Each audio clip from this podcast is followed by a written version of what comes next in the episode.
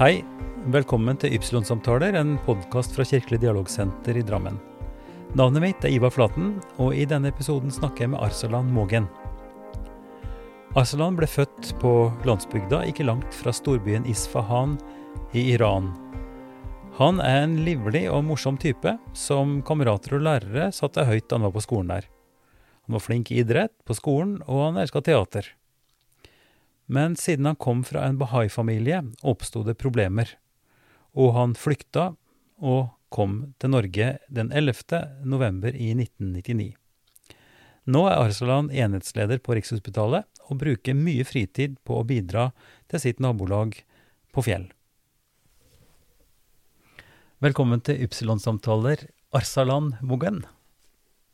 Takk skal du ha. Eh, takk for at jeg fikk komme. Eh, Veldig hyggelig å ha deg her. Eh, vi, vi snakker litt utpå dagen. Det har vært en lang dag. Hvordan har dagen din vært i dag? Dagen min har vært eh, eh, bra, eh, må jeg si. Jeg har en eh, lege på jobben min som sa en gang på garderobeskapet faktisk at det som er viktig, det er at når du går hjem, da går du med god samvittighet. Mm. Og jeg tror jeg har gjort det der i dag, i hvert fall. Så ja, det Så du har gått bra. med god samvittighet fra Rikshospitalet, og du enhetsleder for bakteriologi, har jeg lest meg til. Hva betyr det? Hva slags jobb er det? Eh, stemmer det. Eh, også vi jobber stort sett på lab, da. Så Mm. da er det vel eh, eh, alt av eh, bakteriologiske undersøkelser. La oss si at hvis du går til lege, eh, alt av spørsmål om bakterier og infeksjoner og eventuelt virus. Så da blir det tatt noen prøver fra deg, og så da blir det sendt til laboratoriet for å bli eh, Mm. diagnostisert da, på hva slags bakterie eller virus det er. Ja. Hvis det er. Stor avdeling?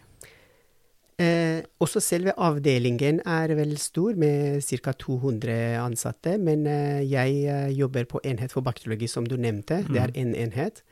Og da er det vel ja, totalt 28 eh, ansatte som vi jobber sammen. Så du er rett og slett leder for et team på 28 det kan du si. Ja, Ja. stemmer det. Så mye av jobben din er ledelse, eller er du også aktivt inne i, i prøvetaking og alt det som har med analyse å gjøre? Ja, det er vel akkurat nå eh, faktisk det er eh, veldig mye administrativt, da. Men eh, som sagt, jeg har vært bioingeniør før, eh, Mm. også vært på laben. Mm. Faktisk på Rikshospitalet også for en tre måneders periode før jeg fikk den stillingen som Mm. enhetsleder. Ja. Men uh, håpet mitt er at jeg skal komme tilbake, altså på en måte jeg skal kombinere det, ja. Ja, ja. Det er uh, veldig morsomt Men å være eh, på. Arsalan, spøkefullt kan vi jo si at hva er så interessant med bakterier? Er ikke, er ikke virus som er mer interessant i våre dager? Denne Eh, Nei, korona, Nei da. den koronaen er jo noe som plager oss veldig, og vi sitter jo og venter og venter på, på Ja. vaksinene. Men hva, for oss som ikke vet så mye, det er jo en viss forskjell på bakterier og virus. Ja. Det er vel uh, interessant tema egentlig med bakterier og virus. For å si det sånn, den der avdelingen for mikrobiologi, det er en kombinasjon, så da tar vi alt av spørsmål om bakterier, virus, uh, sopp til og med, ikke sant. Mm. -hmm. parasitter. Så alt uh, faktisk kommer i samme avdeling som vi har, men vi har jo delt det, så mm, basically kan jeg si at det er ikke noe forskjell. Jeg har jobbet også på virusdelen, ikke her, men da f- Ja. tidligere arbeidsplassen min som var Mm, på St. mm. Santolav i Trondheim. Eh, så det er eh, Bare for, for å si det sånn, det er litt uh, forskjellige måter å jobbe med de to forskjellige Ja, agens, ja. da, kan du si. Men- det er det som skiller de når det gjelder lab. ikke Fordi sant? vi har jo fulgt med og sett at dette er en ganske interessant et, et interessant fokus nå, for man skal skille på disse forskjellige mutasjonene. Det Og det er store apparater, og man ser disse eh, glassene og prøvetaking og alt er automatisert og sånne ting. Står disse maskinene på din avdeling, eller et annet Ja, sted? det stemmer det. Det står i avdelingen eh, vår, ja. Og så, Mm. Selv om vi jobber med bakterier akkurat nå, men vi har jo bidratt veldig mye. Prøvene kommer til oss også, og vi videre sender prøvene til akkurat den enheten som kjører per nå, Mm. korona. Mm. Så vi, vi driver med alle, vi, vi tar imot Har, Har dette, har dette prega eller forandra jobben din uh, dette året? Å ja, det kan jeg si. Spesielt som eh, leder. Det har vært veldig mye på lederen sin skulder. Det i forhold til eh, Først og fremst at man bidrar liksom med personalet? Mm. for da er vi jo samme avdeling. Mm. Og per nå da var det vel, veldig mye fokus på korona. Det var mange prøver, så da personalmessig også vi har bidratt. Vi har sendt noen av våre ansatte som kan eh, hjelpe til laben Ja. med koronalaben. Uh, men også i forhold til uh, smittevernregler, vet du. Mm. Det var store du kan si påkjenning eller Ja. arbeid når det gjelder å ha på en måte de eh, tiltakene Ja. i forhold til hvordan vi ikke blir smittet og sånt. eh, Mm. Holde avstand og Mm. ja. Har du hatt eh, noen syke i staben din? Vi har hatt uh, jevn liksom borte, og så nå er det veldig sånn strenge Vi måtte være på jobb eh, samtidig som man må eh, ved symptomer eller ja eh, forskjellige tegn til at du er mistanke for at du har infeksjon. Da måtte du være hjemme Ja. og så teste deg før du kan komme tilbake Og så må til du jobb. få andre folk.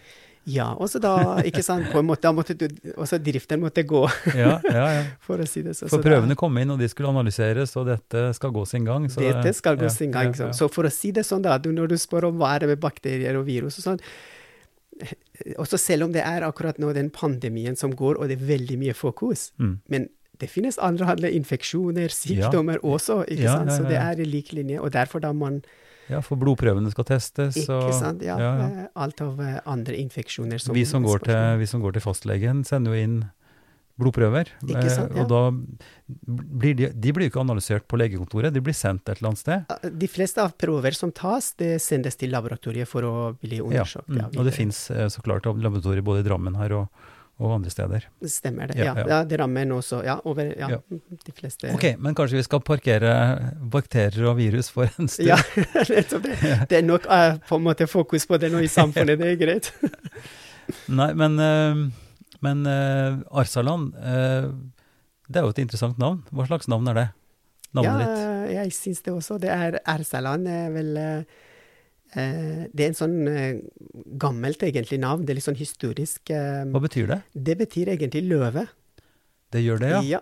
Så det Er er det samme altså, I bokhylla bak dem så står det en bok om Narnia. Ja, stemmer. stemmer store løven Aslan. Helt riktig. Er det samme? Det er samme. Det kommer fra samme rot.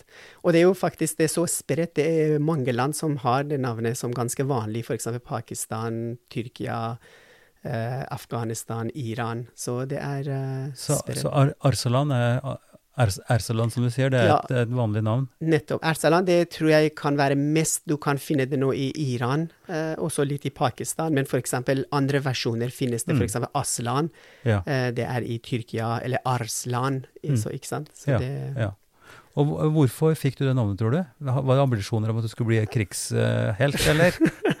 eller hva betyr det- løve? Det er et godt spørsmål. You know, eh, vet du hva, det er eh, Jeg er en eh, revolusjonsbarn. Altså, jeg ble født akkurat i revolusjonen i Iran, i et bygda. Da Eh, snakker vi i 1970, og så var det 1978. Mhm. Jeg er fått 1978, Ja. så det var 1978 som startet revolusjonen, Ja, 1979 ja. som det var, ikke Mhm. sant, den islamske revolusjonen. Så foreldrene dine mente at du kom til rett tid for å bidra, eller Nettopp. Nei, egentlig motsatt. motsatt? De har tenkt det samme, at jeg skal bidra, men de har valgt navnet mitt Wahdat. Og vet du hva betyr det? Vahdat? Wahdat, ja. Jeg kjenner en sanger som heter Masha Vadat. Eh, Masa Vedat som er også fra ja, Iran. ja, ja, Mahsa Wahdat, ja. Ja, ja. Stemmer det. Ja, Wahdat, ja, riktig. Ja. ja. Det er etternavnet. Og det betyr enhet. Aha. Wahdat betyr enhet. Så egentlig mine foreldre, faktisk Min far fortsatt kaller meg for, og min større eh, bror, så kaller meg for Wahdat. Så det er kallenavnet mitt. Men det var interessant, for da var det liksom Rett ved revolusjonen, det var veldig mye styr og på en måte Ja Fortsatt det var noen som trodde på noen av bygdene de har ikke fått med seg, noen har fått med seg. Så akkurat når de hadde valgt en uh, Wahda for meg, så da dro de dit, og da var det uh, som maktskifte også. Da hadde de byttet også der uh, i deres uh, I det etaten som de gir navn, da, på en måte å registrere navn. Og de aksepterte ikke Wahda, for de sa at nei, dette er vel en islamsk navn.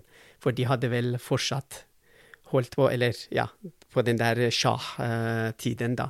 Nei, vi tar ikke Så imot det var, det var da et regimeskifte som var følsomme på i forhold til islam?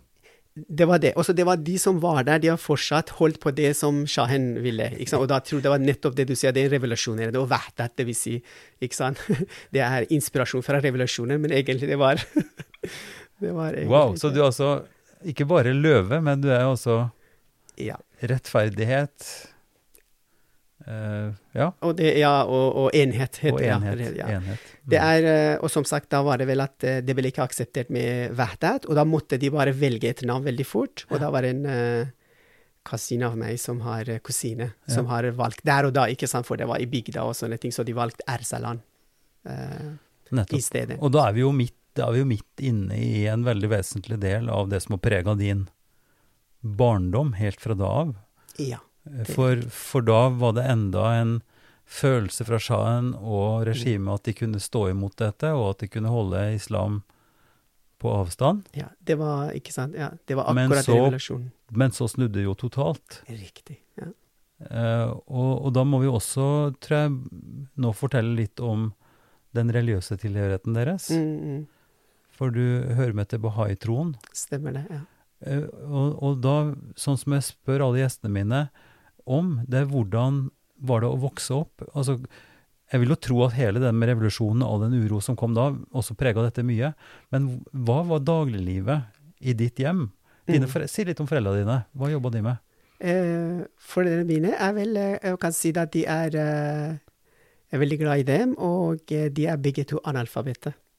Ja. Eh, vi er jo vel kommet fra en bygda, da, eller de og begge to var Hvor, fra hvor en hen i, hen i Iran var dette? Det er vel en by som heter Shahrekord. Eh, eh, og så Det var en bygda enda i den, så det er cirka La oss si Jeg ble oppvokst i Isfahan. Mm Og så Shahrekord eh, ligger vel ca. to timer, to og en halv time Ja, fra det min ja. bygda det er, da, ikke sant? Ja, ja. Så, Så det er på landsbygda. Ja. Jordbruk, eller? Jordbruk, ja. Ja. Stemmer det. Hva slags jordbruk? Fe, trær, Eh, Nei, da var det Grønnsaker. hvete. Stort sett hvete. Ja, det var den store eh, hveteproduksjonen der. Da. Mhm. Ja. Uh, nei da, også der, uh, for å si det sånn, de er jo uh, som sagt både mor og far. Far vel har stort sett jobbet i, i eh, gård, liksom. Mm. Så for å si det sånn, vi så ikke så mye av ham, ikke sant.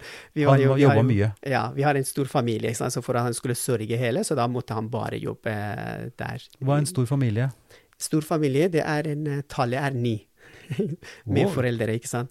Så, Dere var syv søsken? Vi var syv søsken, og Wow. godt blandet med jenter og gutter. Ja, vi er vel eh, vi- vi- tre søstre og tre brødre. Eh, Jeg er den eldste av, av seks søsken, så Akkurat, det er ikke så langt unna. Ok, så bra. Mine Ja. foreldre var også bønder. Akkurat. Ja, ja. Ja. Nettopp. Jeg- Også, jeg tenker dette er en velsignelse å ha en stor familie. Mm. Det er eh, For å si det sånn, vi har vært eh, ikke, altså, Vi var kanskje litt under den middelklasse, for å si det sånn, da, Mhm. når det gjelder sånn Ja, så rett og slett, vi var ikke så rik, hvis Nei, du kan si nei. det sånn. Eh, men vi, var, vi hadde hverandre. Det er det som er interessant med en stor familie. Vi støttet hverandre, vi lo sammen, og vi kranglet sammen, og Ja. alt sammen. Og nå er det vel vi har på en måte største glede av å ha hverandre, da. Vi Ja. er jo vel alle sammen vokst opp nå. Litt her og der. Mm. Men, eh, men altså, syv søsken, mor og far. Eh, dere hadde en egen gård, eller? Nei, eh, Nei? vi hadde ikke egen gård. Vi jobbet, eller faren min jobbet for andre sine gårder, Aha. på en måte. Ja. Bidro. Men han var veldig flink. Han, også, hans liv har vært det.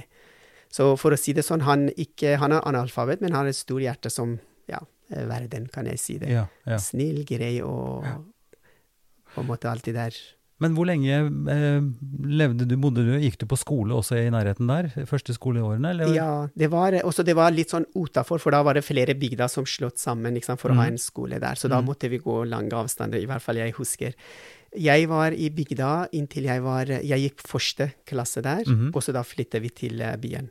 Til Isfahan. Isfahan, ja. Stemmer. Og det er en stor by. Det er en stor by, ja. Mm. Riktig. En av de store, en av de kjente byene i Det er helt riktig. Den er de mest historiske byene. Det kalles for Isfahan Nesvejahan. Det var faktisk, eh, hvis jeg ikke tar feil, i hvert fall jeg har hørt at det er en professor fra Europa som har vært der, og så kalte den der. Og dette av det var så mye historiske ting Ja, som ja. har vært i Altså, jeg kjenner jo ikke verken geografien, jeg har ikke vært der, eh, selv om jeg skulle ønske å, å dratt dit. Eh, En, en venn og kontakta med en Erik Hillestad, Mhm, eh, som driver mye med kultur. Han reiser ofte til, til Iran og tar Ja, med seg sånn, folk dit. Akkurat. Mm, og laget mye, veldig mye fin musikk, så det Kjempebra. kan vi snakke om etterpå. Men altså. Wadat og søsteren hennes Riktig, ja. er publisert med flere, altså flere CD-er og sånt her. Absolutt, ja. Ja, ja. Men uansett, Isfahan som kunststed. eh, Du kom dit som andreklassing, Stemmer det. sammen med hele familien. Eh, far fortsatt var der, ikke sant. Ja. Far og den eh, store broren min var en periode, men han også kom etter hvert. Mm. Men far var også på en måte Han bare pendlet, da, for å si det sånn. At han var der hele På en måte eh, Ja, sommer og høst, og så da kom vi Ja. vinter, og så tilbake igjen. Så han jobbet i sesongen. Stemmer det. Ja. Mm. Eh, fortell litt om skolegangen din. Eh, skolegangen min la, Ja, også fra barndommen, fra første da jeg var i, i bygdaen, det husker jeg ikke så mye. Litt. Nei, det ja. skjønner jeg. Jeg husker Mm. bare at jeg eh, kunne ikke uttale eh, eh, re. R. R. Et vanlig problem for mange barn. Og det er det eneste som jeg husker fra skolen i første klasse. Det var det jeg husker veldig godt den dagen jeg begynte å kunne uttale den Ja. re-en der, ikke sant. Oi, oi, oi. Andre klasse, eller? Ja, det var første klasse. Allerede i første ja. klasse. Gratulerer, veldig veldig Ja, bra. takk. det var bra. Ellers, da skolegangen min i Iran, da var det slik at um, eh, La oss si barndom, altså fra barneskole, kan jeg si. Det, er, det var ikke så mye der. Og så når vi flyttet til Isfahan, så da flyttet vi som sagt pga. situasjonen som vi hadde. Mm. Vi kunne ikke gå inn av de beste plassene. Så da var det faktisk veldig avsideliggende. Så det var ikke så langt fra der vi var i bygda, men i hvert fall det var jo en del av Isfahan, for så vidt. Mm, mm. Så der også måtte jeg gå lange veier, jeg husker det veldig godt, Ja. eh, for å gå til skolen. Og hva, hva er en lang vei? Hvor lenge, langt Vet du, nå, eh, dette er vel med kanskje det barneperspektiv, men jeg husker at det er, eh, la oss si, det, det må være to kilometer, Ja. ikke sant? Men Ja. for meg som et barn, det Mm, var, mm. det var lang vei, liksom. Um, det var det, så for å si det sånn, stort sett der er det vel litt sånn, ja, uh, ikke så mye å kanskje si det. Uh, Men hva, hva slags skolesystem var det da du gikk på skolen? Jeg tenker på hva slags pensum hadde dere, hva slags undervisning fikk du? Var det stort sett lesing, skriving, eller var det Jo, Det var alle fag. Du hadde vel stort sett fra som du har, eller det var jo vel på en måte litteratur man Mm. hadde. mm. Og så da hadde du matematikk, og så da hadde Mm. du liksom eh, Ja, så Samfunnsfag. hadde Vi vi, kalte, det, vi kalte det O-fag, husker jeg. Ordfag, ja, akkurat. Orienteringsfag, riktig. eh, som var i begynnelsen, ikke sant, hvor du Litt historie, litt, litt samfunnsfag, litt eh, Ja. litt, Litt for- av, ja, akkurat, ja. Mm, mm. Ja, det var jo, det, du hadde jo veldig flest fag, men også i tillegg da hadde du også alltid, det er jo gjennom hele nesten skolesystemet, da hadde du en fag som fast, det var eh, eh, religion og eh, koran, det var en egen fag også for seg. Ja. Så du hadde sånn koran som en, eh, ja. Så, så det var en, det var en, på en måte statsreligion på den måten også? At, Ja, at, at, absolutt, ja. Sånn som i Norge så har jo vært kristendomsundervisning, Riktig, der som, var det som var det faste, helt inntil det ble unntak og man kunne velge Akkurat. livssyn, som det het. da. Ikke sant, ja. Eh, og nå er det jo helt annerledes, for nå, nå har man KRLE som, er, KRL, ja, riktig, ja. som, en, eh, som skal ta høyde for at, at alle, alle religioner skal kunne formidles eh, på en måte som gir gjenkjennelse for alle. Akkurat, ja. ja Mens, mens det har jo vært en politisk kamp i Norge også for å holde fast på at K-en skal være større.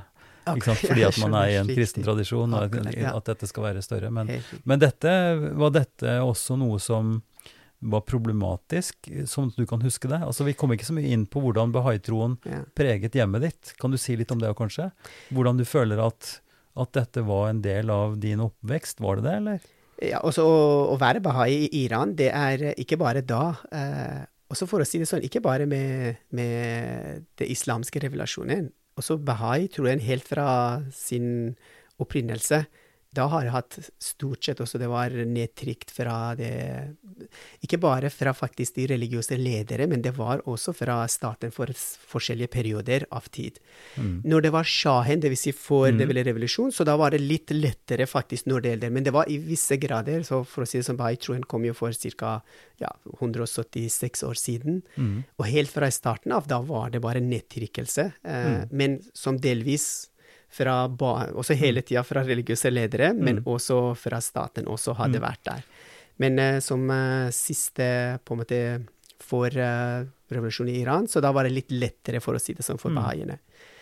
Men eh, etter revolusjonen i Iran, spesielt i starten, da var det, da var det grusom, Ja, kan du si. ja, det. det er mange som Jeg vet, og det skal vi komme tilbake til, men jeg er bare litt nysgjerrig på hvordan du som barn opplevde dette. Ja. Altså det, eh, var, du, var du klar over, visste du at dette var farlig, eller måtte dere passe dere? Hvordan var bahai-troen reflektert på noen måte i hjemmet ditt? Ja. Hva, hva- altså, jeg vet ikke om du For når jeg spør dette spørsmålet, så tenker folk altså, Nei, jeg vet ikke, jeg husker Nei. ikke. Vi hadde mat, vi hadde ikke sant, Ikke sant, tradisjoner ja, og sånt, noe, men, men var dette noe som du Du er jo en person som også er veldig aktiv nå. Eh, Tenker du tilbake om at du fikk disse grunnimpulsene i bahaitroen allerede da, eller hadde det Ja. kommet til tidligere senere? Det, er, det som er interessant med bahaitroen, er at det veldig mye fokuseres fra også de eh, moralske verdier helt fra barndommen av. Mm. Det med sannferdighet. Og så Mhm. Vi har en sitat faktisk som vi også har i våre aktiviteter, som man reflekterer over. Mm. Den sier at sannferdighet er grunnlaget for alle menneskelige dyder. Ja.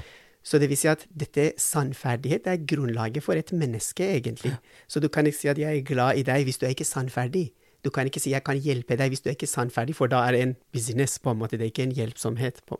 Aha. Så den har jeg vært kjent med. Så for å si det sånn, å være bahai i Iran, hvis du er heldig, som det mange er ikke det, dessverre, da blir du bare på en måte undertrykket gjennom hele systemet. Det har ikke noe å si om du er et barn på barneskole, eller om du er barn på ungdomsskole eller videregående skole. Hvis du er heldig, så blir du bare undertrykt. Hva sa du der? Eller hvis du er heldig, du ikke, det vil si at du klarer å gjennomføre og bli ferdig. Ja, ja. Ja, med alle de undertrykkelsene, selvfølgelig. Takk for at du lyttet til Ypsilon-samtaler. I denne episode nummer 51 snakker jeg med Arsalan Mogen. Hvordan var dette å være barn i skolen? Nettopp. Eh, Jeg kan komme med noen eksempler Ja, som kanskje bare Vi trenger Ja. ikke å si det, men uh, For eksempel, da. Når jeg gikk på, eh, på eh, ungdomsskole, mm, jeg var eh, Jeg kommer tilbake til det, hvordan Ja. folk vet om vi er bahaier, på en måte. Ikke sant? For det, det var det saken. Når jeg var, gikk på barneskole, Mm. da ingen på en måte visste det, for det var ikke noe natur, det var ikke en spor eller noe sånt, så var det som jeg, som sagt, vi kom fra andre klasse og ikke fra første, ikke sant. ja. Så vi bare gikk inn i systemet. Det Mm. var ikke, jeg husker ikke noe sånn spesiell nedtrykkelse. For, du, for du var med på all undervisning. Du, du, du gikk ikke ut av uh, islamundervisning. Du var med på alt det som skolen kunne gi deg. Helt riktig, Ja. det stemmer Mm. det der. Ja. Og så når vi kom til ungdomsskole, Mm. uh, da var jeg spesielt veldig glad i teater Mm. og sport. Eh, og jeg husker veldig godt at jeg var Faktisk, det var en gang som vi De delte liksom medaljer, og så vi feiret liksom Mm, mm, eh, mm. litt forskjellige ting. Og så jeg hadde faktisk fått eh, Både når det gjelder selve skolen, så jeg hadde fått en sånn pris på det. Jeg var nummer fire. Vi ga nummer én, to, tre. Og så noen ganger vi, også fikk en pris når du var nummer fire, da, på en måte. Ja, ja. Og så da hadde jeg vært faktisk sport veldig aktiv, med Mm. sånn jogging og liksom stafetter og sånn forskjellige ting, Mm, og der hadde jeg fått også pris.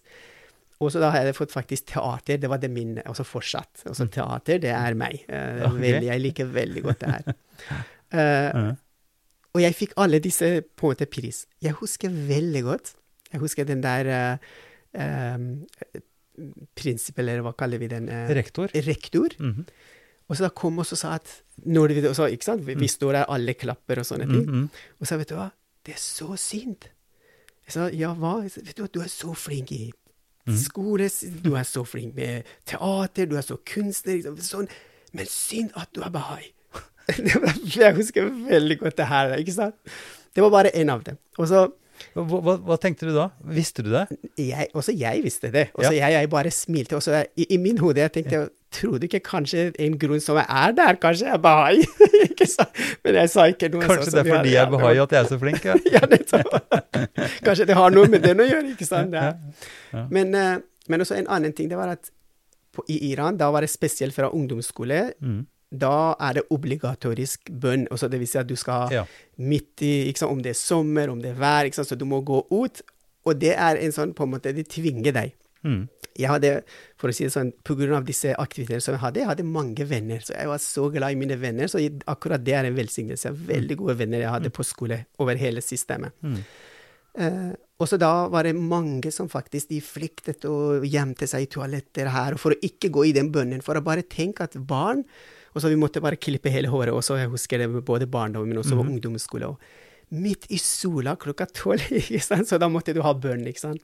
Ja. Og det var obligatorisk. Det Så, var, du så, måtte. så barn fra muslimske familier stakk av, for de gadd ikke være med på det? De ville, også, det, mange som faktisk, Ja, ja. Det var en sånn Mm. tortur, så det var ikke frivillige, fri vilje. Nei, det var det som det var, det var mm, Mange som ønsket det, veldig bra, men det var mange som faktisk flyktet her og der. Men jeg var jo bahai, Mm. så akkurat der hadde en hadde jeg, Men da var det slik at da de holdt oss ved veggen, slik at alle kunne se oss. Jeg husker det var en også sunni, mm. det var som ikke kunne lese sånn, for det, de fleste i Iran det er veldig skye. Mm. Mhm, mhm. Så det var en sunni, husker jeg. Og så jeg tror, hvis jeg ikke tar en Det var ikke godt nok å være muslim heller? Du måtte Nei, være det, riktig du måtte, muslim? ja, nettopp. Så det var litt uh, sånne fordommer, skjønner Ja, du. ja. Det var det. Mm. Så, og det var en, et par til, jeg husker ikke hvor de var, om de var kristne eller hva, og da, for da kunne de ikke Men da var det, de måtte stå ved den der eh, Ja, vi hadde en sånn kontor der for Ja. eh, ja, ledelse, så da måtte de stå Ja. der, og alle kunne se det. Nettopp Det, var, det var den store skrekken da jeg gikk på barneskolen og på ungdomsskolen. ungdomsskolen.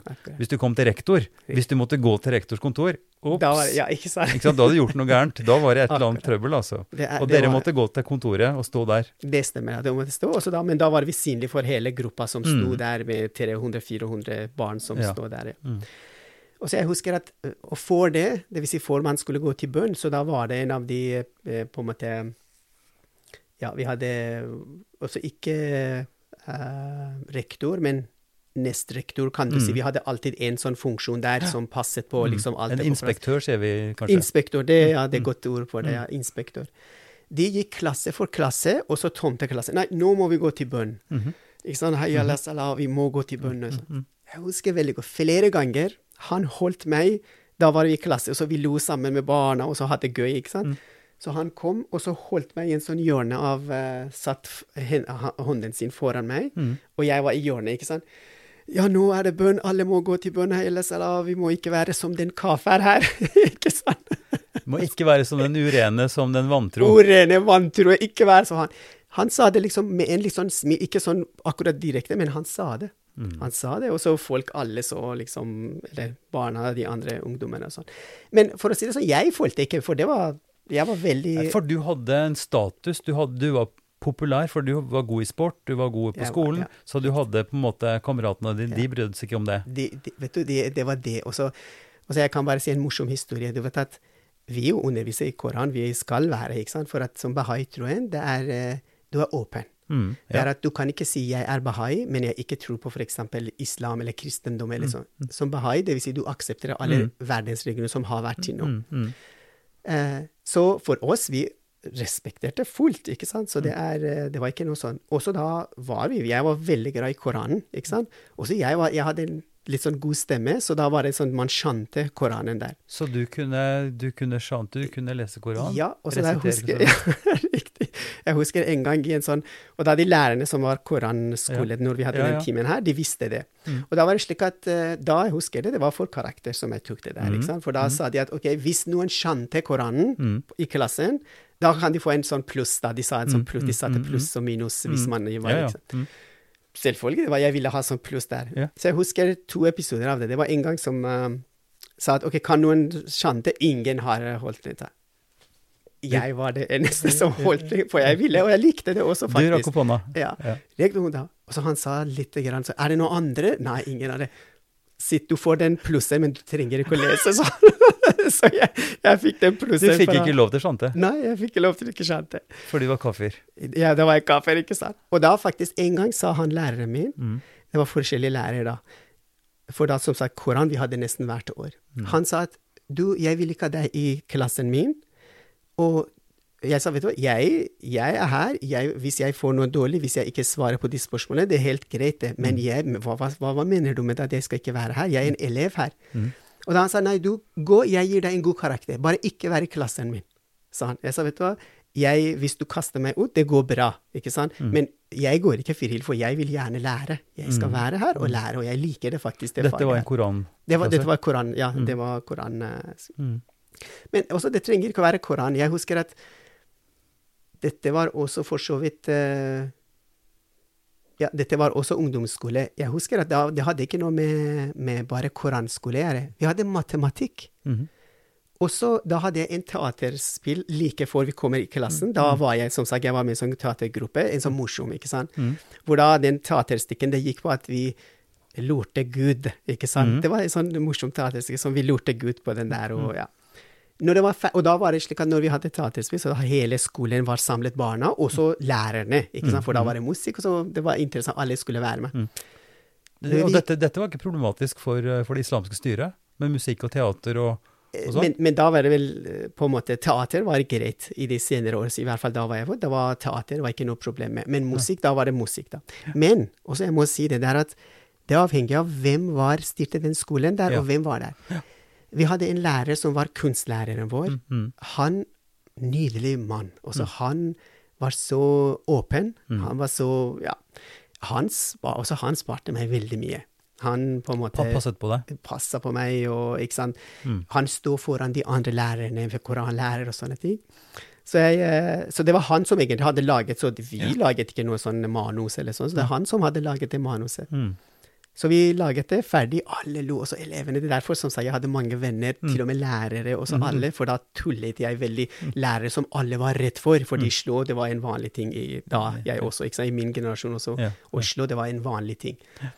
Fra de der inspektørene som du ser, når man hadde fritid, så da man, hvis man så, så da man kunne slå og sånn. Mm. Alle var redde, men for meg, det var, altså jeg var så det beste venner, liksom, for nettopp det jeg kunne gjennom teater, Mm. alle så på, jeg tulla med dem der inne i teateret min, det var ikke en del av manuset, men vi bare kastet ut noe som alle begynte å lo, også lærerne, men det var ikke noe dispes, på en måte urespektfull, men at respektfull, mer Mm, morsom. mm, mm. Så jeg husker som sagt matematikklærer tilbake til, så kommer vi i klasse, alle le, å, det var veldig bra, det var så morsomt og sånn, plutselig han kommer læreren. Helt ærlig, jeg trodde han skulle si at wow, det var veldig bra, for at alle hadde sagt det, ikke sant. Så han sa at du, du, du kan ikke stå der og så sitte, du som ikke tror på Gud. Du skal stå der og så tulle litt med Gud. Det, det, det har du ikke lov til. Og så jeg var helt frosset. Og så alle faktisk mine andre elevene sa hva, hva skjer her? Ikke sant? Og det var én sak, ok, den er grei, men du er en matematikklærer. Hva har du egentlig med andre ja. Så for å si det sånn, dette er noen sånn få episoder som jeg kan bare si til deg når det gjelder barndommen min. Og dette gjelder også videregående skole. og ja.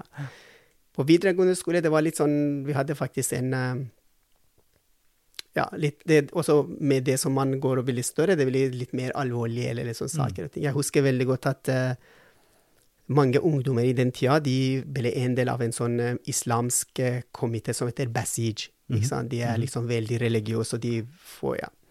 Og da var det mange av disse av de vennene våre som vi var venner med, så det gikk der i moskeer, og så ble det liksom veldig sånn i den gruppa der, Mm. og da plutselig de ble fra den sida sånn helt sånn Man kunne si at de er hjernevasket, eller hva Ja, for ja, ja. ja.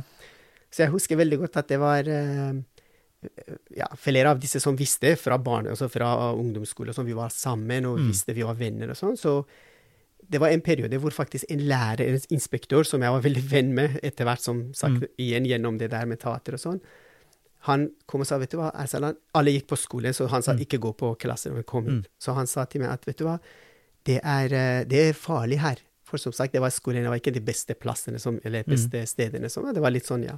Han sa her er veldig farlig for noen. Plutselig du går fra gata, og noen kommer og bare stikker en kniv i magen eller hjertet ditt. Sånn er det så galt. Du trenger også, du, du må ikke si det. Du, du trenger ha din religion for deg selv, inni skjul for det. Ja. Jeg sa jeg sier ikke noen ting. Og så folk spår meg, og da jeg bare svarer. Og det er ikke noe sånn underlig, det bare spår meg. Det er nesten uhøflig å ikke svare på dem. Og jeg for så vidt jeg viser veldig visdom på en måte av hva jeg sier, hva jeg, sier, men jeg sier ikke noe mer enn det. Men jeg er jo bahai. Jeg må, også, det er ikke noe mer enn det. Hvorfor du ikke kommer og leser bønn, det må jeg si det. Jeg leser bønn. Men akkurat det leser bønn, det er jo veldig jeg leser mine bønner, på en måte, men ikke den der obligatoriske bønnen. Så, så pass var det der, for å si det sånn. da. Så det var jeg med videregående skole. Så det ble, det ble farligere og farligere, på en måte. Du, som du blir større, så ble det sterkere krav. Du forteller at disse kameratene dine som var med i den ungdomsfalansen Riktig, ja. Det er jo litt sånn som vi ser i andre ideologiske sammenhenger, og religiøse også, hvor noen blir veldig ivrige og skal være veldig liksom eh, rettroende, og, ja, og hvor det blir litt, kanskje til og med litt fanatisk noen ganger. Og hvor Det man blir, stemmer. Ja, nettopp. Det var det og blir ledet også av folk som, som bidrar til at, eh, at de spenningene blir store. da. Ja, Og, men der var det jo en kombinasjon av et regime, riktig. og, og det, det lønte seg, for å si det litt sånn, for de som var lærere og som jobba i systemet, så måtte de gjøre det riktige. Altså de måtte vise at de var i tråd med regimet også, kanskje. Ja, det var, ja, det Sant? Så det var bare de modigste som kunne, som Så, kunne holde hånda si over deg og si at han er en god gutt, han er bahai, men glem det, han er Ikke sant? Nei, fordi du er bahai, så er det et problem. Nettopp, ja. Og dette hadde du fortalt meg også ble helt akutt da når, når du kom opp gjennom videregående og også eh, skulle inn i universitetet. For da var det en, en reform som gjorde at du nesten ved en feil eh, komme i universitetet. For det, det, det gjorde ingen bahaier. Er helt Eller kristne kanskje heller. Ja, ja eh, kristne fortsatt Og så på en måte De får lov, men diskriminering er der. Mm. Diskriminering er alle religioner, bortsett fra shia, hvis du er Men bahai er spesielt Bahai er spesielt. Og hvorfor er, hvorfor er det spesielt? Hvorfor, hva er problemet med bahai? Sett ifra, hvis du nå Ja. som en islamkyndig skulle si hva er problemet Ja. med bahai? Vet du hva, det er et veldig godt spørsmål du gjør, for at jeg tenkte på det lenge. Mhm. Jeg sa at vet du hva, vi som ungdom og Mm. som barn, så hvorfor det? Hvorfor så mye diskriminering? Og når For at mm, Bahai-religion egentlig sier at man skal eh, ikke blande seg inn i politikk. Mhm. Ikke sant? For da var det at hvis de er redd makta Mm. Vi er ikke For det var mange så politiske De diskriminerte masse liksom forskjellige folk, liksom Ja, de ja. som sa noe mot det og sånn. Men bahai-religion, det var bare invitere til kjærlighet, til enhet. Så hva er det med dem? Hvorfor de er så redd av det, faktisk? Mm. Men når jeg kom faktisk, da jeg kom til Norge, begynte jeg faktisk å tenke reflektere litt mer på det. Da hadde jeg god tid, ikke sant? for når du er midt i det, sånn er det bare. Du, du er en del av det. Så tenker jeg, Men her Og da plutselig Jeg vet ikke fortsatt det er det, men jeg tenker det der at Bahai-prinsipper, det er egentlig setter store spørsmålstegn på hele grunnlaget på den der eh, systemet, det politiske systemet som Iran har. La oss si et eksempel. Det er at Bahai-troende sier likestilling mellom mann og kvinner. Mm. Fullt, ikke sant? Likestilling. Og vi blir vokst opp med dette her. Mm.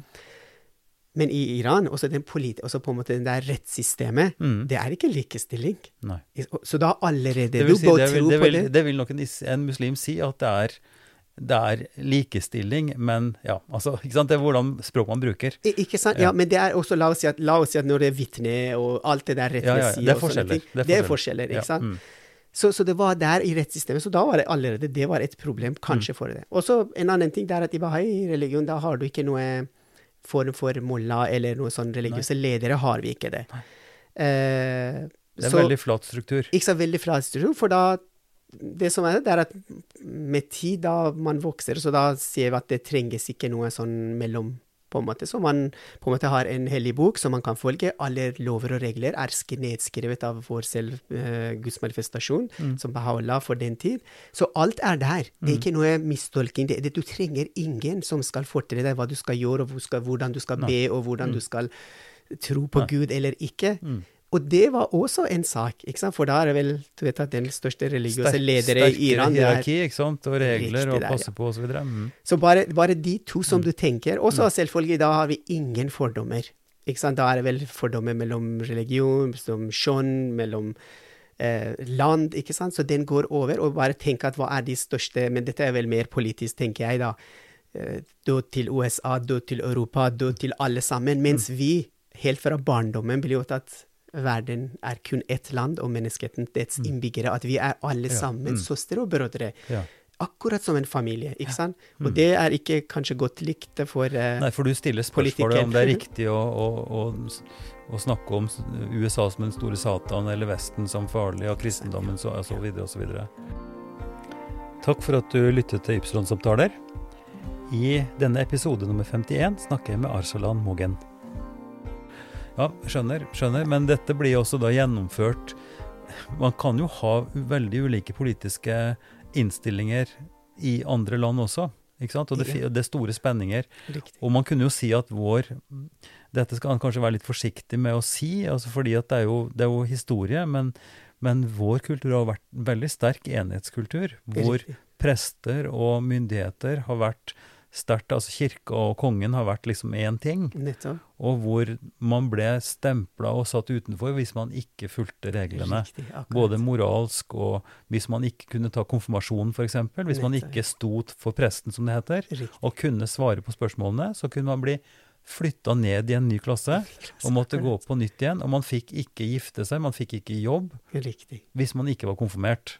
Akkurat. Altså Så presten og kristendommen altså, Det er noe av det samme. og jeg tror, alle, sånn, ja, ja, jeg tror noe av det samme, og jeg vil jo stille spørsmål også, det vil jo også kunne finnes sånne spenninger innad i alle samfunn. Riktig. Så jeg vil jo tro også, hvis vi borer litt, Arsalan, så vil vi kunne si at også bahai, et bahai-fellesskap, så er det litt kan være gnisninger og sånn som det er mellom mennesker. Riktig. Men vi snakker ideologien og Nettopp. utgangspunktet nå som blir Akkurat. helt mot uh, det som du opplevde. Og, men få si da hva som skjedde, fordi dette spissa seg til. Du, du fikk beskjed, en vennlig beskjed, for jeg tror lederen for universitetet også Ja. så at du var en ressursperson, at du, at du hadde mye å tilby og mye å tilføre og var en god student. Riktig. Men han sa beklager. Ja. Hva skjedde, hva skjedde da de første årene etter det? For da måtte du jo ta grunnleggende Ja. spørsmål opp til vurdering om hvordan dette skulle være, og hva du skulle gjøre, rett og slett. Nettopp. Det var også som sagt, jeg, Med en gang jeg gikk eh, til universitetet, som sagt, det var bare en sånn tilfeldighet, for Mm. da skolesystemet har endret, som du sa det. Og eh, da vi bare gikk ut til noen eksamen.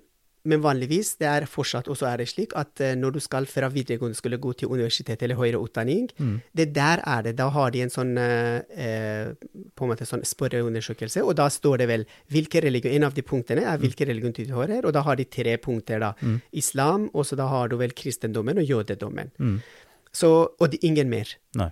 Så da bestandig, alle bahaier gikk der, som klarte å gjøre ferdig, så da skrev det der, laget en kryss og skrev bahai eller sånn, Mm. men da alltid det var ut. Men det eksamen, det fantes ikke, eller det undersøkelsen som de har, det var ikke da vi, som sagt Nei. Så du slapp gjennom der uten å måtte kom ut identifisere til deg? noe, ikke sant, ja. Mm.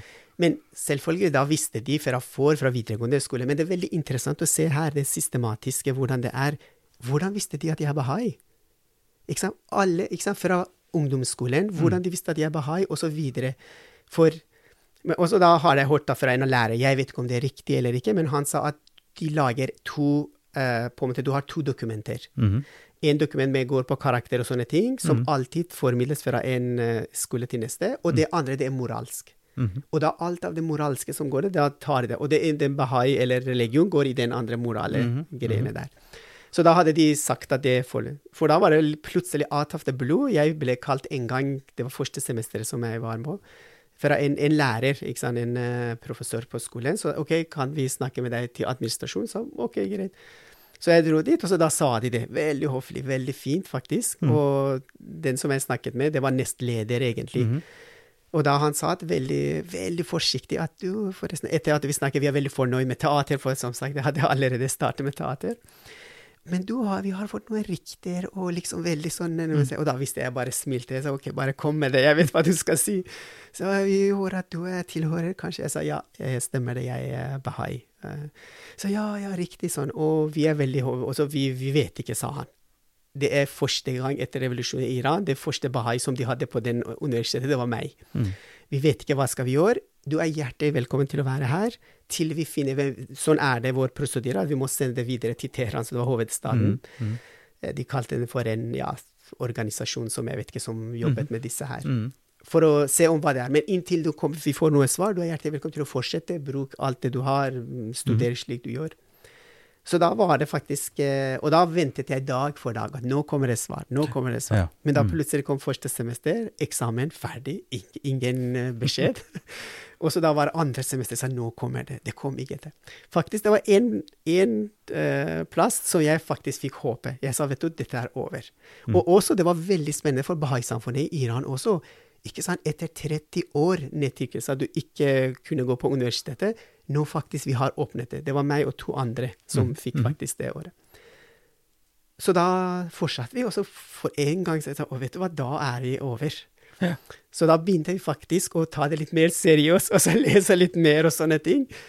Like før eksamene skulle starte på den der andre semesteret, da har de kalt meg Jeg, var, jeg husker veldig godt, jeg tok sånn ingeniør, også mekanikkingeniørfag.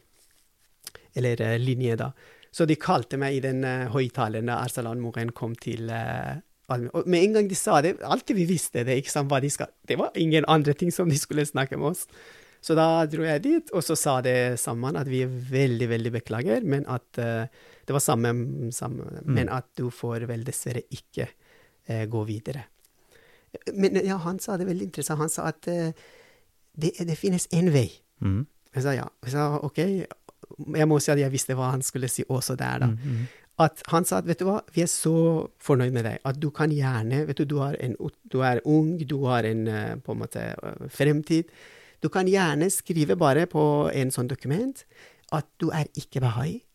Jeg legger den, jeg lover deg, jeg legger det inn i den dokumenten, den fila di. Jeg setter det her i mitt kontor. Der. Ferdig med det. Ingen vil se det. Ingen... Når du er ferdig med de utdanningene som du har, du kommer tilbake her på mitt kontor, jeg tar den ut, leverer det, du kan bare ta det og rive det i filla, og så går du. Men da er du en ingeniør.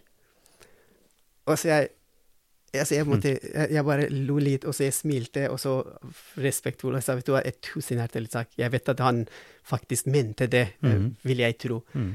Og så er det veldig snilt av deg, men sånn fungerer ikke for oss. ikke sant? For hvis vi skulle ha gjort det, da hadde vi vært masse andre ting også vi kunne ha gjort gjennom livet. da. Men mm. vår på en måte grunnlag det er på sannferdighet. Mm. Og hvis, hva slags utdanning er hvis det ikke er basert alt fra allerede nå ikke basert på sannferdighet? Hva slags tjeneste kommer jeg til å gjøre for min familie? ikke sant? Hele livet mitt er basert på en løgn. Det tror jeg ikke jeg kan stå for det. Så da Det var det. Jeg husker veldig godt etter det. Det var sjokk for alle studenter. Vi var gode venner. liksom. Vi var, mm. Og så da var vi gjennom faktisk videregående skole sammen, og så kom mm husker veldig godt de hadde kommet, faktisk. De hadde gått og snakket etter det, for da var jeg forlate, og så da spurte meg hva det var, og da sa jeg av troen min. Så det var en gang de var så glad de kom hjem til oss etter tre-fire dager, tror jeg det var ei uke eller noe sånt, husker jeg. Kom og så jeg inviterte dem til te, og så drakk. Og så vet du, vi har en god, nyhet for deg. og jeg, jeg, var så litt sånn trist i mitt hjerte òg, for at jeg visste at jeg må skuffe dem, på en måte. Men det var akkurat samme. De hadde sagt ja, han kan komme, skrive det samme skjult, at han er ikke bahai. Og, så da, og, og, det var veldig vanskelig for dem, mine kamerater, å mm. forstå det at My friends, jeg kan ikke gjøre det. Ikke det er en prinsipp, det er sånn sannferdighet, det er en prinsipp jeg kan mm. ikke leve med. Du kan ikke jukse? Jeg kan ikke jukse. ikke sant? Mm. For dem det var bare å skjule det. ikke sant? Det er ja. ingenting, bare de sier det, ja. og de bare skjuler det. Du, ingen får vite det. Mm. Men jeg sa jeg vet det, Gud vet det. ikke sant? Det er mm. Mm. det, det holder, det. ikke sant? Jeg vil ikke Så det var uh. Det var liksom uh, litt uh, skuffelse for mange, vil jeg tro. Ja. Og for oss òg, for så vidt. For da vel Vi er veldig sånn i Bahai-troen satser veldig mye på utdannelse. Ja. For det er veldig, det er sånn, En av de prinsippene vi har, det er obligatorisk utdannelse for alle. Mm. Det er en prinsipp, ikke, sant? ikke bare frivillig, men det er en prinsipp at alle mm. må gå gjennom utdanning. For vi vet at utdannelse på en måte Veldig mye av de fordommer mm. som man har, det kan være pga. uvitenhet. og men Arsalan, vi er nødt til å spole litt raskere, vi nå, for ja. nå har vi brukt eh, mesteparten av timen på, ja. på, dette. Det er utrolig interessant, og jeg tror det er givende for, i høy grad for min del, men også for andre, å høre den praktiske, daglige erfaringen som ligger bak hvorfor du ikke kunne fortsatt å være der. Mm. For hva slags framtid ville du ha i Iran?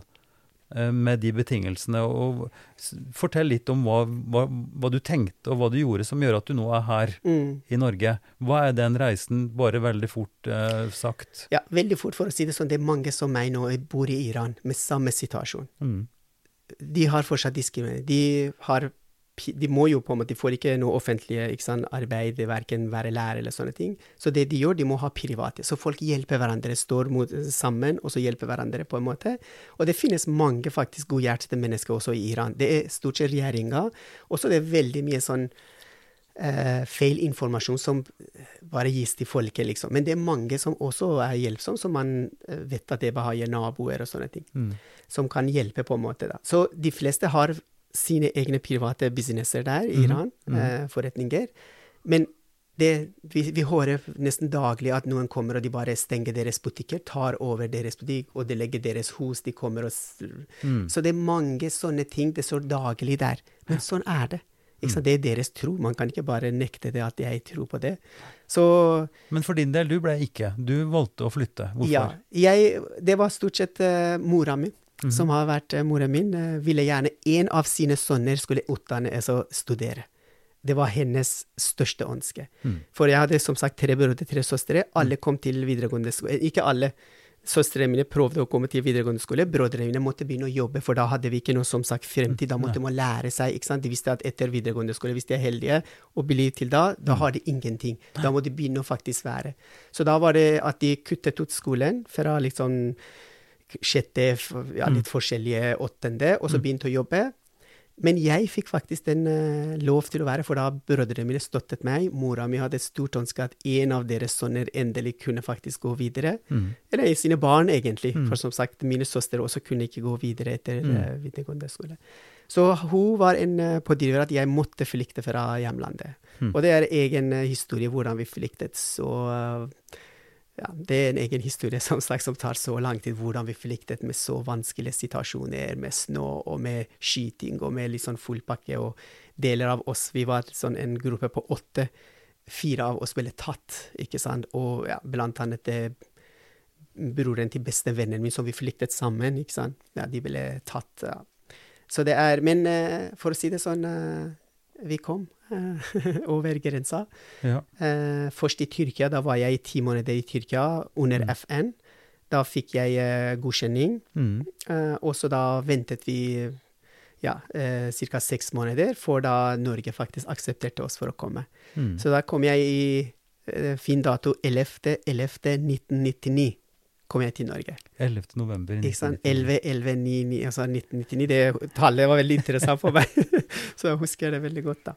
Hvor gammel var du når du kom til Norge? Da, jeg, da var jeg akkurat 20, ca. 20 år, ja. Ja. ja. Eller ja, 20 Mm, år tror jeg var. jeg riktig. Mm. Jeg flyktet da var jeg 19, og så da var jeg 20 år i Norge. Og da var det full fart med å lære norsk. Eh, Hvordan var første, det første året?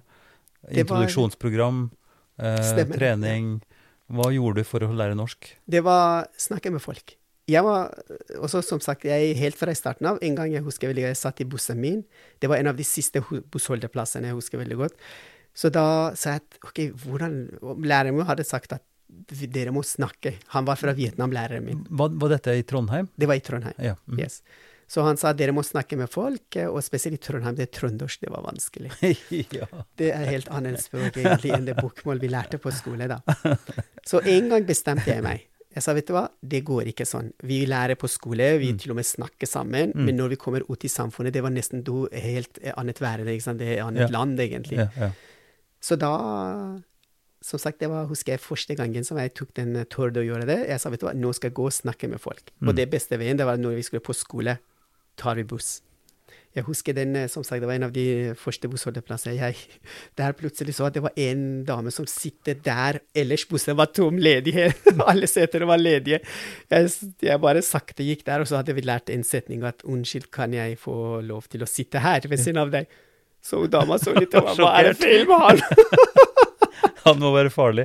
Han må være- Det var greit, ikke sant? Og da sa jeg veldig fort at jeg visste da, at det kommer til sånn reaksjon. Jeg sa veldig fort at læreren min på skole hadde sagt at vi må snakke med nordmenn, jeg er ny i Norge. Ja, ja, Og da begynte jeg å smile. Og, ja, ja. Da var det min nesten daglige ja, Så da lærte jeg veldig fort, faktisk. Og så da veldig fort begynte jeg å jobbe som hjemmesykepleier. Sånn assistent, av sånn Som hjemmehjelp var det. ja hjemmehjelp. Ja. Da gikk vi hjem til folk, og der Ja. bidra veldig mye til mitt språk også, og lærte masse fra kultur og norsk, og for da nytet jeg. Uh, og det var selve jobben var jeg veldig glad i, for da du kunne faktisk bidra, du kunne hjelpe, og du Mhm, kunne mhm. se det. Ja, Veldig godt. Det er en, også en erfaring jeg hadde. Jobba også som hjemmehjelp eh, i studiene mine. nettopp. Ja, Ja, ja. Så, det er en, Det er det er en bra interessant, arbeid, ja. fin jobb på mange måter, det. Eh, Men dette gikk jo veldig bra. Du lærte norsk ganske fort, og du begynte på, på universitetet, eller NTH. Stemmer. Ja, og så da måtte vi ta to år. Det var alt, også Fagene ble ikke akseptert her, ikke sant? Nei, nei. eller karakterer, så jeg måtte ta faktisk alt på nytt nesten. Så jeg tok studiekompetanse, som gikk på to år. Mhm. Da var det fem fag som vi måtte ta. Mm. Eh, blant annet norsk og engelsk gikk på to år, så da måtte vi Mm. uansett ta to år Mm. utdanning der. Og eh, det gikk fint, og etter det så da valgte jeg faktisk eh, flere fag, da, men bioingeniør var en av dem. Mm. Eh, så valgte jeg bioingeniør, så jeg kom inn og studerte bioingeniør. Etter hvert så da mens jeg var, litt etterpå som jeg ble ferdig, så jeg gikk litt videre. Jeg tok en mastergrad også i molekylær medisin da. Eh, mens jeg faktisk hadde full jobb også, når jeg var ferdig med Effektiv type. Ja, og så det Du har ikke var- glemt dine gamle ja. kunstnere og din uh, disiplin? Ja, det, det, var, det var Men det var veldig jeg tror det var veldig, veldig positivt, altså for å si det sånn, helt fra første eh, dagen jeg satte foten i Norge. Mm. Det var bare positivt. Altså, jeg er så takknemlig, så glad for å være i Norge. Aldri, aldri møtt noe eh, problemer? Altså noen, noen som har sett skeivt på og sagt 'hvorfor er du her', og 'skulle ikke du vært i hjemlandet ditt og dra hjem igjen din', Ja. videre? Vet du, Det var et veldig godt spørsmål. Det er mange som spør meg, for jeg hører det fra folk. Jeg sa, Mhm. vet du hva, Folk som blir liksom ja. snakket til Men jeg tror Jeg tror jeg ser ikke disse her. Det, jeg tror det er opp til oss. Okay. Selvfølgelig blir det. Men hvis man tenker at OK jeg tror jeg ser mennesker som de er liksom Mm. bak det, Det vil Si det der sanne mennesket. Ikke sant? Alle faktisk har en sånn god hjerte inni Mm. det. Men det er jo mange, det er utad som man ser det. Det er sikkert det er mange som av morske problemer her, der, eller forskjellige ting. Det kan være at man viser det på en annen. Men inni oss, vi er alle sammen mennesker. Mm. Så jeg tror jeg prøver faktisk å se det. Ærlig talt, jeg har ikke noen sånn dårlig erfaring med noen her. nei, Men om jeg har hørt noe, og noen har sagt det, jeg kan si helt sikkert. Ja. Men jeg har ikke tatt med meg, eller jeg har Nei, ikke. du bare lar det, du, du bare lar det passere. det er helt sant. Ja, det er Eh, Men Aslan, eh, som med din bahai-bakgrunn, med dine bahai-idealer og det du har lært, hvordan fikk du styrke til din tro? Var det et bahai-miljø i Trondheim som du kunne være sammen med? Det er Ja, det er på en måte bahai-miljø i de fleste av byene, største, i hvert fall de største byene i, i Norge. Mm. Så da er det vel, eh, som sagt, tjeneste det er sentral i bahai-samfunnet. Mm. Og så tro det mange sier at tro er litt sånn noe personlig. Så jeg vet ikke, og så jeg vet ikke, jeg må Nei. kanskje tenke litt mer på det. Men, Ja. at, men jeg er, også troen min, det er meg, Mm. i forhold til deg. Mm. Ikke sant? Ja. Hvordan vi forholder oss om ikke sant? Så, så jeg tror det er eh, Og som sagt, sentral i bahai-troen, det er tjeneste for andre. Mm. Eh, og det har vært gjennom hele livet mitt, om Mm. det var i Iran eller her i Norge. Så da tjenes det er vel Og når vi faktisk tjener andre, så du glemmer faktisk litt deg selv og dine problemer ikke Mm. når du tjener for andre. Dette, er jo en, dette er jo en helt grunnleggende ting, altså i kristendommen også. Eh, liksom? Man sier at eh, du skal elske Herren din Gud med ditt hjerte og din sjel og din kraft, men det andre budet Riktig. er like stort. Du skal elske din neste, altså Neste. den andre som Nydelig. selv. Akkurat. Og snakka nettopp eh, i et par episoder siden med en ung, eh, ung mann fra Tyrkia. Eh, som der, han vokste opp i noe som heter Hismet, Riktig. som er Fethullah Gulen-bevegelsen. Og Hismet, tyrkisk betyr tjeneste. Nettopp. Ja, ikke sant. Ikke sant? Så det er akkurat det samme aspektet hvor, hvor troen blir kobla til at man skal være aktiv i samfunnet for å bidra. Riktig.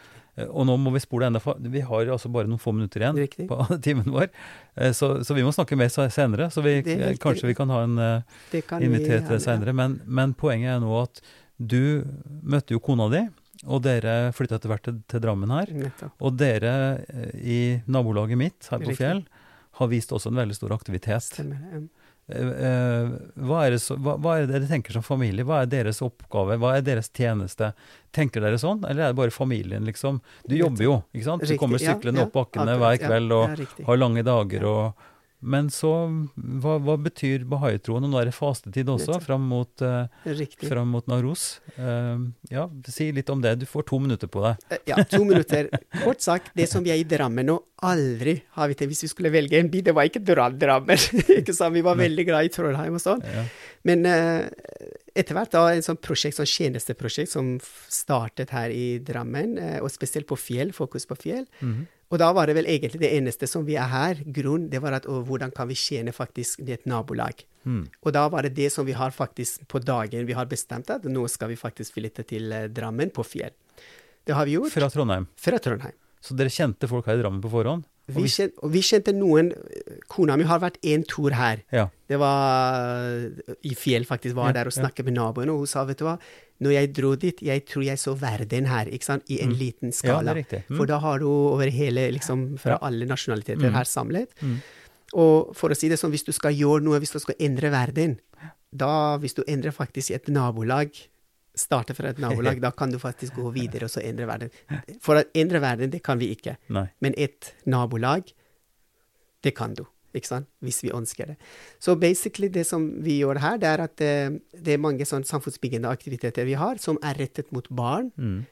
Litt større barn som heter juniorungdom, som vi kaller dem for. Mm. Ungdom og ellers voksne. Mm. For at hvis du skal endre virkelig noe, du kan ikke bare fokusere på barn eller voksne eller ungdom. Det må være sånn på en måte En koherent, det vil si at Mm, mm. eh, gjennom hele som, samfunnet. Mm. Så derfor da har vi eh, på en måte program for barneklasser, hvor man går gjennom moralske verdier for barn, sannferdighet som jeg snakket om, helt fra grunnlaget. Det på en måte blir grunnlaget for deres oppdragelse eller videre, da.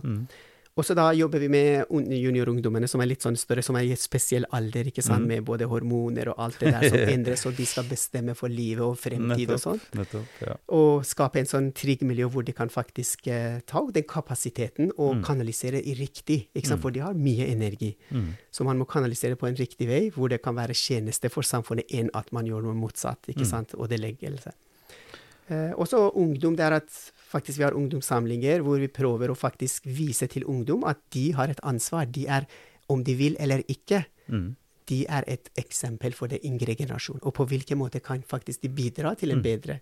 Mm. Og det gjelder eh, stor familie med barn og sånn, Mm. som at de må støtte. De kan ikke, vi kan ikke bare sende våre barn til skole og si at ok, det, det er skole sitt system. Nei, vi må samarbeide. Mm. Ikke sant? Også at både i forhold til fag, men også til moralske verdier. Mm. Så Veldig bra. Det her er jo helt strålende. Og det er morsomt, da, for vi vi- i Fjell kirke, som jeg har jobba i og fremdeles har en sterk link til, tenker jo også sånn at vi er for nabolaget. At vi ønsker å, ønsker å bidra til at vi skal ha et nabolag som er godt å være i, og, og støtte hverandre. Dette her var kjempefint eh, å snakke med deg, Arslan. Eh, den timen gikk altfor fort. Ja, det Men, eh, men jeg tror vi skal kunne møtes igjen, og kanskje få med noen flere som har en tilsvarende rolle sant, fra andre kan- sammenhenger. Ja. Så kanskje kan vi snakke litt sammen. Så Absolutt, det er veldig Tusen takk det. for en flott samtale, og lykke til med både bakterier og med, med, med haiaktivitet og tjeneste. Tusen takk, Arslan. tusen takk selv. Tusen takk for at jeg fikk komme. Takk skal du ha. Takk for at du bruker tid på Ypsilon-samtalene. Hvis du liker denne episoden, kanskje du liker også andre som du vil finne mer informasjon om på www.ypsilonsamtaler.no. Der vil du finne en kort presentasjon av alle St. Pauli-partnere så langt, og lenke til episodene. Du må gjerne abonnere på Ypsilon-samtaler i din favorittpodkast-app. Og så er vi veldig glad for tilbakemelding og forslag som du kan sende til Ivar, krøllalfa, kirkeligdialogsenter.no. Podkasten er støtta av Drammen kommune, Barne- og familiedepartementet og Einar Juels legat. Ansvarlig utgiver er Kirkelig dialogsenter Drammen ved daglig leder Ivar Flaten.